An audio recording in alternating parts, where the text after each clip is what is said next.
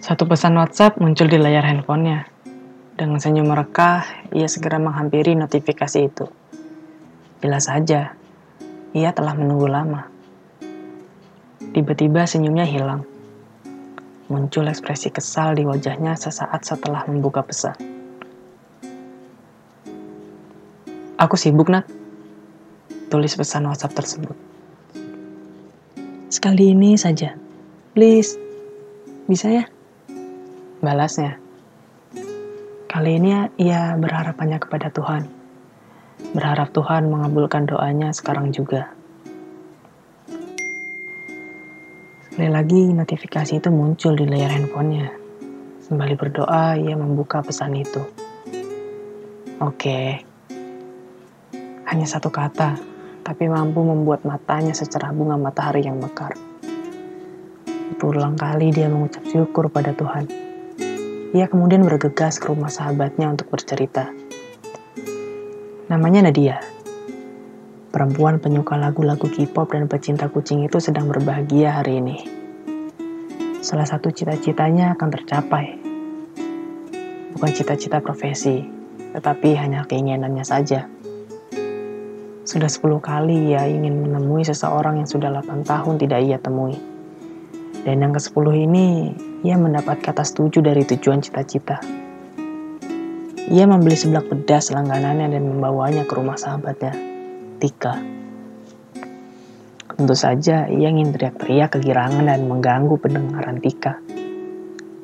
Tik, aku berhasil. Ucapnya kegirangan. Sembari mengayun-ayunkan dua bungkus seblak di tangannya.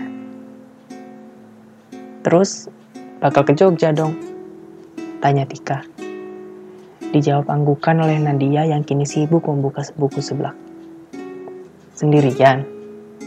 Yakin, Nat? Dia nggak bakal PHP kan? Sebenarnya ada sedikit kekhawatiran di hati Nadia, tetapi ia harus percaya bahwa laki-laki itu tidak akan mengecewakannya. Aku percaya sama dia. Kalimat itu membuat Tika mengedikan bahu. Ia tahu Nadia sedang bahagia dan ia tidak ingin merusak mood Nadia hanya karena kekhawatirannya.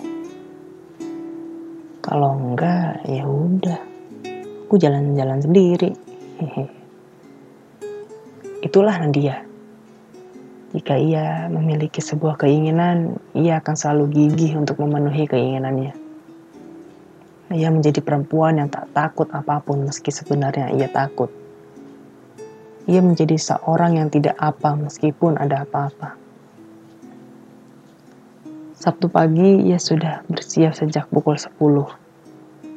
Ia sudah menyiapkan baju yang akan ia kenakan sejak hari Rabu. Dan ia juga sudah menyiapkan semua yang akan ia bawa di dalam tas ransel kecilnya sejak hari Jumat pagi. Ibu yang kaget melihat ia sudah siap sejak subuh bertanya, Kamu mau ke mana? Pagi-pagi udah wangi. Tumben banget. Biasanya juga belum bangun kalau belum diteriakin. Nadia yang juga kaget dengan kehadiran ibu di pintu kamar sontak berdiri. Ye, ibu. Aku mau main ke Jogja sama temen. Hehehe. Ia memberikan senyum pagi terindah untuk ibunya. Ya udah, hati-hati ya. Nadia mengacungkan jempol lalu bersalaman pamit kepada ibunya.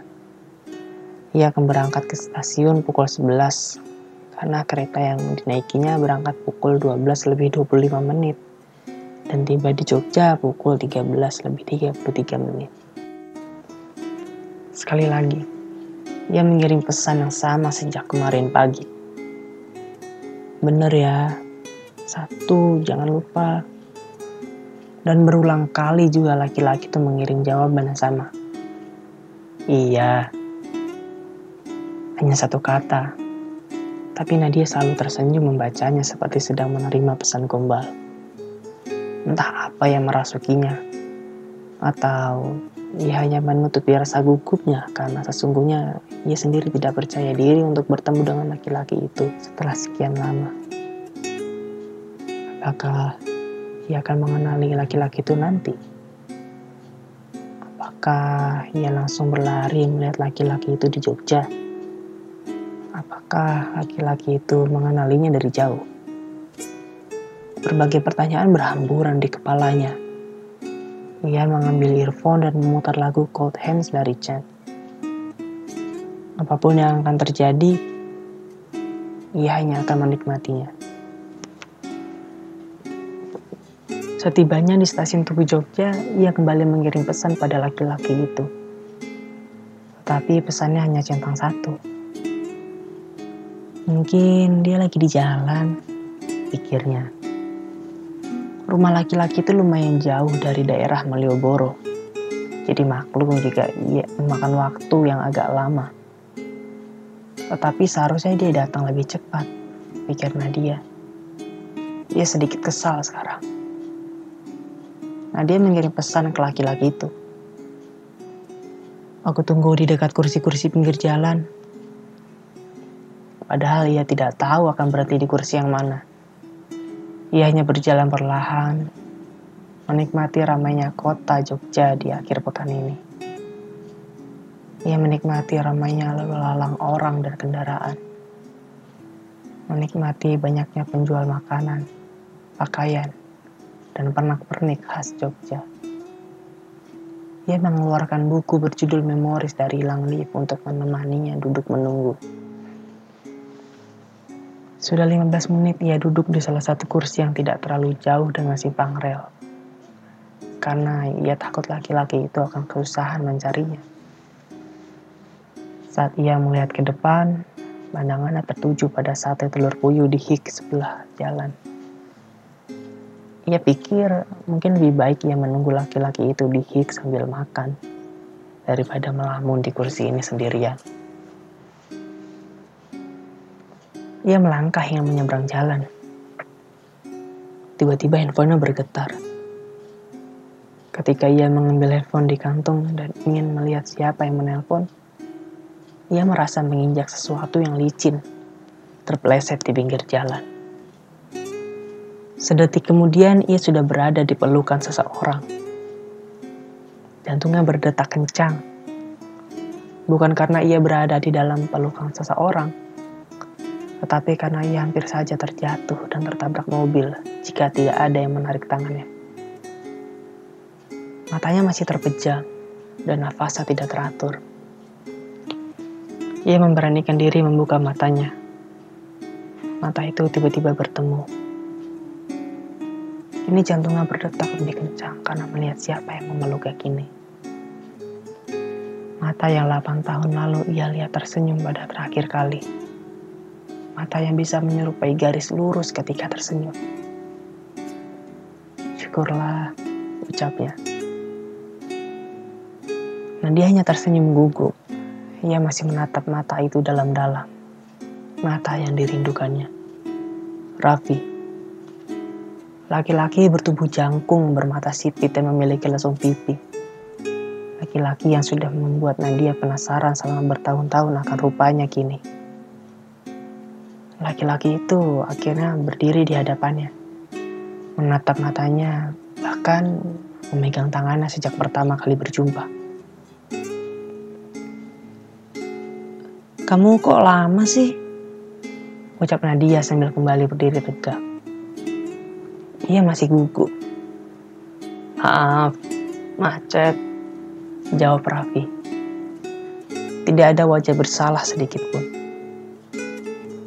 Kalau jalan hati-hati. Untung ada aku. Lanjutnya. Maaf kepleset. Jawab Nadia. Obrolan itu terasa sedikit kaku sebab Nadia tidak mampu lagi melihat mata Raffi. Ia berdeham lalu bertanya, Mau ke mana ini? Raffi hanya mengedikan bahu. Loh, kamu tadi mau ke mana? Ucapnya. Tuh, ada hik. Ke situ dulu yuk. Kata Nadia. Tiba-tiba Raffi memegang tangannya dan membawanya menyeberang jalan. Tanpa Raffi tahu, dan dia sedang menahan nafas dan merasakan tangannya digenggam. Nadia mengambil dua tusuk sate telur puyuh dan meminum segelas es teh. Pukul 14.00, matahari sudah naik cukup tinggi secara hari yang akan dilewati Nadia. Setelah selesai makan, mereka lanjut berjalan kaki menyusuri jalan Malioboro yang bertambah ramai. Ia sudah membuat daftar perjalanan dan sudah memberitahu Raffi terlebih dahulu lewat WhatsApp. Mereka menyusuri jalan panjang Malioboro berdua di tengah teriknya matahari siang. Tetapi hati Nadia terus berbunga-bunga. Kamu tahu nggak? Ucap Nadia. Enggak. Salah Raffi. Ih, belum selesai. Aku tuh tadi takut tahu. Kirain kamu bakal ingkar janji. Terus biarin aku sendirian di sini. Lanjut Nadia. Enggak mungkin lah. Nanti kamu nangis lagi. Jawab Raffi. Nyebelin. Ucap Nadia yang hanya dibalas dengusan oleh Raffi. Mereka lalu berjalan menuju benteng Fredericksburg. Foto yuk. Ucap Nadia saat setelah sampai di depan benteng Fredericksburg. Raffi menoleh ke arah lain. Nadia lalu menarik tangannya, memaksanya untuk foto selfie berdua. Woi, senyum dong, ih, ucapnya. Lalu kini ia memiliki foto berdua untuk pertama kalinya. Mereka memasuki area benteng setelah membeli tiket. Masuk ke tiap-tiap diorama yang ada foto dengan berbagai patung dan spot-spot yang tersedia di dalam diorama. Raffi yang cuek pun dipaksa menjadi model ini itu oleh Nadia. Cewek pecinta fotografi itu puas dengan hasil fotonya. Terkadang ia juga menjadi fotografer dan selalu diomeli Nadia jika fotonya tidak pas. Tapi itu menyenangkan baginya karena Nadia mampu membuat suasana tidak kaku di antara mereka. Setelah puas berkeliling benteng Fredericksburg dan mengoleksi puluhan foto, Raffi melihat jam di handphonenya. Sudah hampir masuk waktu asar rupanya. Mereka duduk di salah satu kursi di pinggir jalan. Hari sudah semakin panas. Sholat dulu yuk, ajak Raffi. Ia mengajak Nadia menuju masjid yang ada di tengah-tengah jalan Malioboro. Letaknya agak tertutup dengan para pedagang baju dan pernak-pernik. Mereka melepas sepatu di pelataran masjid. Nanti kalau udah siap duluan, tunggu di situ ya. Ucap Raffi sambil menunjuk salah satu kursi di depan pelataran masjid. Nadia mengangguk lalu mereka berpisah. Nadia menuju ke tempat wudhu perempuan di tangga bawah, sedangkan Raffi melalui pintu depan masjid. Sejuk dan dingin Nadia rasakan ketika wajahnya tersapu AC masjid dan kakinya menginjak keramik. Sekarang ia berdoa lagi pada Tuhan untuk kebahagiaan yang kini ia rasakan. Nadia melihat Raffi dari belakang. Jadi begini rasanya ditunggu seseorang, pikirnya. Raffi duduk di sebuah kursi. Nadia menghampirinya sembari tersenyum. Ngapain senyum-senyum? Tanya Raffi. Nadia menaikkan sebelah bibirnya. Ya, masa mau digalakin sih? Mereka melanjutkan perjalanan ke pasar Beringharjo. Ya, dia ingin membeli pernak-pernik khas Jogja seperti yang biasa ia lakukan jika berkunjung ke sini. Mereka berkeliling, putar sana-sini, tetapi tak ada yang menarik perhatian Nadia.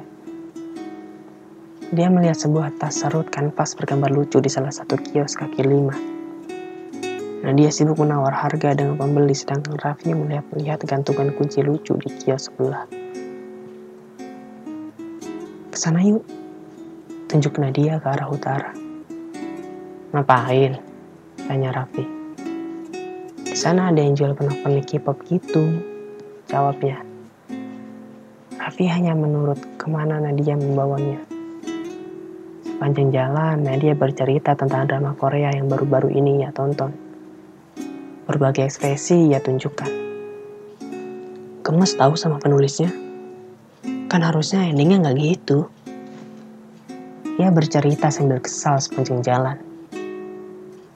Ya suka-suka yang bikin cerita dong. Masa harus kamu yang mau endingnya? Ucap Raffi. Ya tapi nggak gitu harusnya kan di awal udah dikasih harapan sama penulis kalau yang kapal itu cewek sama mantannya lanjut Nadia cerita loh bukannya kamu bilang cowok satunya udah suka cewek itu diam-diam dari awal episode tanya Raffi iya sih tapi pokoknya aku kesal akhirnya Nadia mengakhiri ceritanya tentang drama setelah mereka sampai ke tempat penjual pernak-pernik K-pop sana Nadia hanya membeli beberapa gantungan kunci untuknya dan teman-temannya yang menyukai K-pop. Nadia sempat menawari Raffi sebuah kipas bergambar wajah Taeyong yang City, tapi malah diberi tatapan tajam menolehnya. Waktu beranjak petang, mereka kembali ke masjid untuk menjalankan sholat maghrib. Seperti sebelumnya yang selesai duluan akan menunggu di kursi depan pelataran masjid. Kali ini Nadia selesai lebih dahulu. Ia membuka Instagram sembari menunggu Raffi selesai sholat. Ia mengunggah foto langit sore di story-nya dengan tulisan Senja di Jogja. Setelah sholat, mereka akan makan malam di sebuah kedai soto pinggir jalan. Sepanjang jalan, Nadia hanya menahan senyum. Berjalan di samping Raffi. Setiap kali ia akan menyeberang, Raffi selalu memegang tangan Nadia. Setelah ini ia akan membulatkan hari ini. Kalender di rumah dengan warna pink. Raffi memperhatikan Nadia makan di sampingnya. Nadia yang sadar diperhatikan berhenti makan dan menoleh. Apa lihat-lihat? Tanyanya. Raffi menggeleng. Cara makan kamu estetik ucapnya. Nadia mengerutkan dahi, lalu menggeleng dan melanjutkan makan. Setelah ini, mereka berencana untuk melihat penampilan seniman-seniman lepas di sudut titik 0 km. Mereka menyusuri malam berdua. Malioboro masih terang benderang dengan lampu-lampu jalanan. Malam semakin ramai, lalu lalang orang dan kendaraan. Sejuk menambah tenang. Mereka menikmati alunan musik dan lalu lalang kendaraan di jalanan. Gedung-gedung semakin terlihat megah dengan cahaya lampu. Malam tampak benderang, tetapi langit semakin kelam. Tak ada bintang, sepertinya mendung. Angin bertiup kencang. Udara semakin dingin ditambah gerimis rintik-rintik. Nadia khawatir akan turun hujan. Penonton satu demi satu melarikan diri. Mereka berteduh di salah satu kios wedang ronde dan asle pinggir jalan. Semangkuk wedang asle menghangatkan tenggorokan mereka. Hujan tidak terlalu lama berlalu. Tetapi Jogja di malam hari masih selalu bertambah ramai. Hari sudah semakin malam. Dingin merasuk ke dalam kulit. Sudah pukul 18 lebih 43 malam. Kereta api yang akan dinaiki Nadia berangkat pukul 19 lebih 10. Raffi mengantar Nadia ke stasiun. Membawakan bungkus oleh-oleh yang dibelinya tadi, sementara Nadia hanya menghela nafas. Ada sesuatu yang menyesakkan dadanya. Sesampainya di depan stasiun, dia tidak langsung masuk ke dalam. Ia duduk di teras stasiun. Raffi membeli dua buah minuman dan memberikan satu untuk Nadia. Kenapa? Tanyanya. Nadia hanya menggeleng. Kan udah ketemu aku. Lanjut Raffi. lama sih? Ucap Nadia. Ia kembali menghela nafas dalam. Udah jam 7 tuh. Masuki. Ntar ketinggalan kereta lagi. Ucap Raffi. Gak apa, pikir Nadia. Ia hanya ingin lebih lama lagi di sebelah Raffi. Duduk dengannya, bercerita, dan berdebat yang tidak penting. Udah, masuk sana. Kalau ketinggalan, ntar kamu sendirian di sini sampai pagi. Kata Raffi. Lah, kamu gak mau nemenin aku kalau aku ketinggalan kereta? Tanya Nadia. Oh, lah. Jawabnya. Nadia mendengus. Nyebelin banget ucapnya. Tapi ngangenin lanjut Raffi. Nadia mendengus lagi. Nadia akhirnya berdiri. Tiba-tiba Raffi yang melepas jaket yang ia kenakan dan memberikannya pada Nadia. Nadia hanya menatap heran pada Raffi. Untuk apa? Tanyanya. Bawa. Di dalam kereta nanti dingin. Jawab Raffi. Nadia sempat menolak karena ia tahu Raffi juga membutuhkannya. Tapi Raffi memaksa untuk Nadia membawa jaketnya. Akhirnya Nadia menyerah dan membawa jaket Raffi. Setelah masuk ke dalam kereta, ia memakai jaket Raffi. Ia dapat mencium bau Raffi di jaketnya, dan itu menyebalkan. Hari ini akan berakhir. Nadia memasukkan tangannya ke saku jaket. Ia merogoh sesuatu di dalam jaket ada sebuah gantungan kunci custom dengan tulisan Kutunggu kau di Jogja. Nah dia tersenyum. Ia berharap hari seperti ini akan selalu terulang kembali. Ia mengaduk-aduk tasnya dan mengambil earphone. Kemudian ia memutar lagu Inception dari Airman untuk menemaninya di dalam kereta malam itu. Dingin dan tenang. Ia tertidur sembari tersenyum.